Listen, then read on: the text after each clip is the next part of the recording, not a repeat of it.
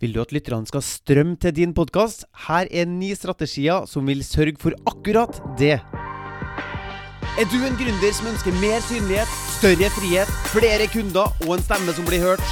Hver episode er dedikert til å gi deg markedsføringsavsløringene og salgshemmelighetene som vil akselerere din gründersuksess. For å se hvordan du kan starte din egen podkast, få med deg den gratis videotreninga jeg laga til deg på mortensholm.com. Velkommen, nå kjører vi på! Ok, så du har en podkast, og du gir ut episoder, men du kunne kanskje tenkt deg enda flere lyttere til podkasten din. Og jeg skjønner hvor du vil hen. Det er nemlig ni strategier jeg har lyst til å dele med deg, som skal sørge for at du kan få lytterne til å strømme til din podkast og bli der. Men la oss starte med det selvfølgelige. Eh, du må ha verdifullt innhold på podkasten din.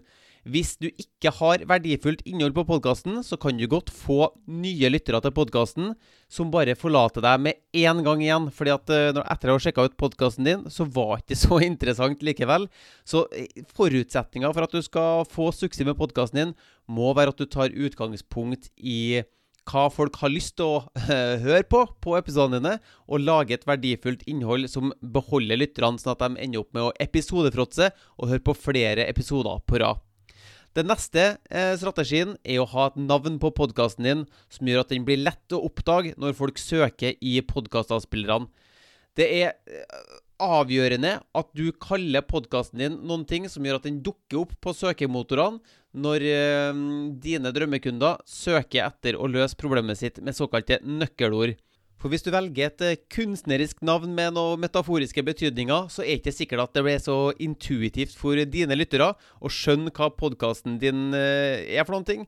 Fordi at det finnes to forskjellige typer uh, markedsføring. Du har avbrytelsesmarkedsføring, som f.eks. en Facebook-annonse som skal prøve å forstyrre deg eller avbryte deg mens du sitter og scroller, og ta deg inn til landingsside for å få deg registrert på noe e-postliste eller noe sånt. Eller så har du søkbasert markedsføring, som f.eks. når du går inn og søker på ting på Google eller YouTube, eller en av de mange podkastavspillerne, så vil det dukke opp podkaster basert på det du søker på. Og strategi nummer tre som jeg kunne tenke meg å dele med deg, er å være synlig på flere podkastavspillere. Eh, det som før het iTunes, det som nå heter Apple Podcast, er den podkastavspilleren med den største markedsandelen. Så pass i hvert fall på at du er på eh, Apple Podcast med din eh, podkast, og gjør den tilgjengelig der. I tillegg så har jo Google eh, satsa ganske tungt på podkasting i det siste, med noe som heter Google Podcast, eller Google Play, som også er en app som allerede er installert på de fleste Android-telefonene. Og så har du selvfølgelig Spotify, som også er en stor og tung aktør nå, som bl.a. har kjøpt opp eh, Joe Rogan sin, eh, sin podkast. Og så har du en lang rekke med, med, med andre podkastavspillere som jeg også kan nevne, som iHeart Radio, Stitcher og osv. osv. Men Apple Podcast, Google Podcast og Spotify er antageligvis de treene du burde være absolutt mest opptatt av å bli synlig på. Så for å oppsummere de tre første, da, så har du det her med å lage et verdifullt innhold, og du må ha et navn på podkasten som gjør at den er lett å bli oppdaga. Og så må du være synlig på flere podkastavspillere.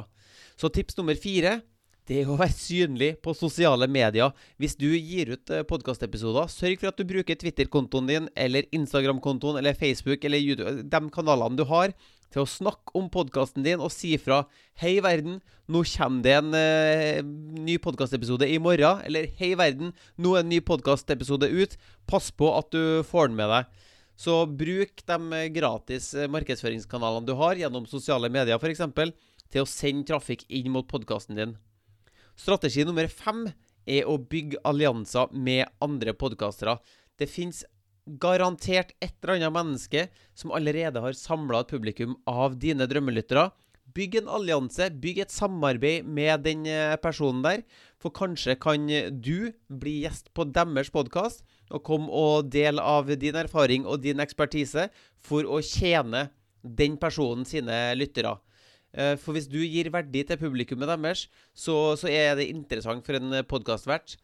Og uh, ofte så er det vanlig at podkastverten spør gjesten sin på slutten av podkasten hvor kan mine lyttere gå for å lære mer om deg. Og da har du en mulighet til å si jeg har også en podkast som handler om XYZ, og den heter ABC. Så hvis du har lyst til å løse problem X, så går du til den podkasten. Mye, mye, bokstaver her. Men jeg tror du, får, tror du skjønner hva, hva, jeg mener her. Ok, Vi går over til eh, strategi nummer seks, som er betalt annonsering. Men da må vi passe på å bruke betalt annonsering der hvor podkastlyttere ferdes. Og hvor er det podkastlyttere ferdes, egentlig? Jo, de hører jo på podkaster. Så det går faktisk an til å kjøpe betalt annonseplass på andre mennesker sine podkaster.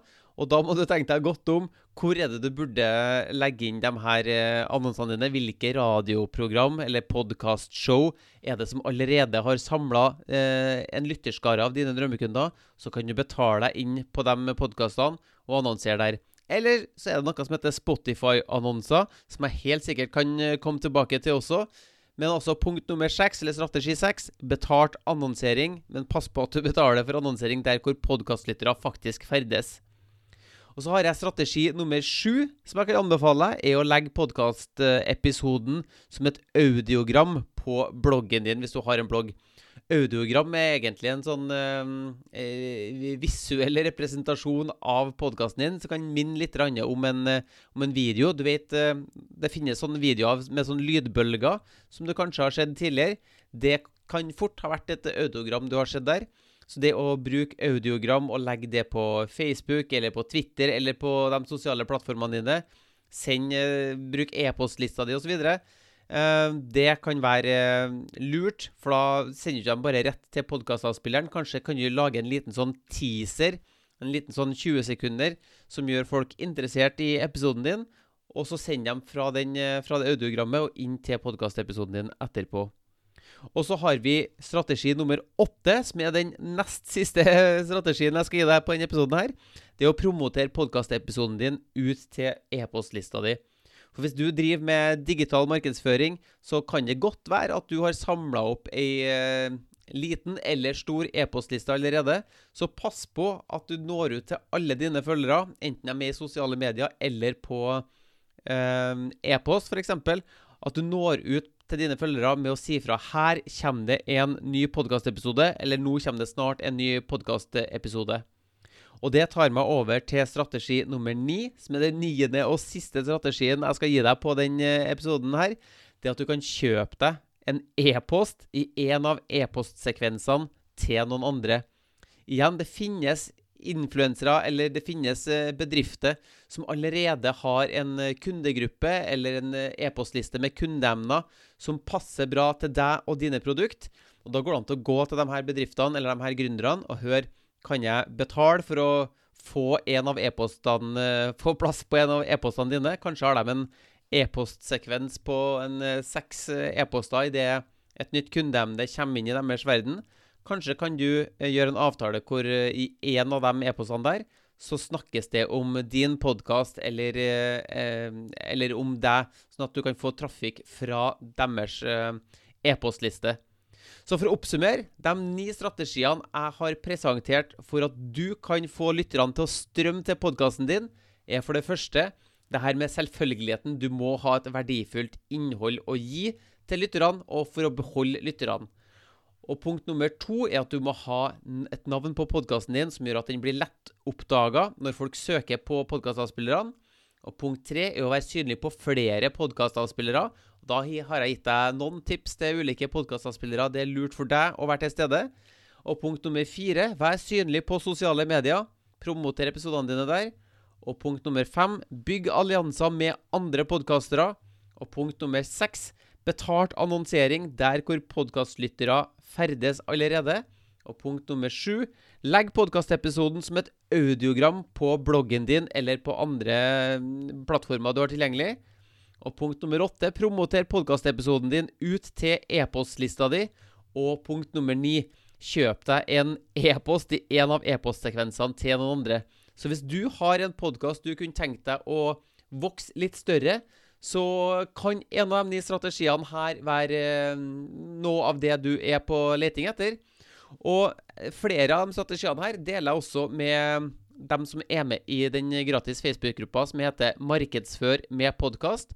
Så hvis du går inn på Facebook nå og, nå og søker etter eh, Facebook-gruppa som heter Markedsfør med podkast, så er du hjertelig velkommen på innsida av den Facebook-gruppa, hvor det foregår både live-videoer og diskusjonstråder, og flere nyttige tips som kanskje kan hjelpe deg med enten å starte din podkast, eller å få suksess med den podkasten som du allerede har.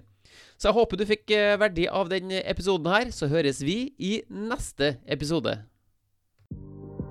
Hvis du vil lansere din egen podkast, sørg for å gå til mortensholm.com for å se den gratis videotreninga. Og hvis du vil ha flere episoder som dette, trykk på abonner-knappen, så høres vi i neste episode.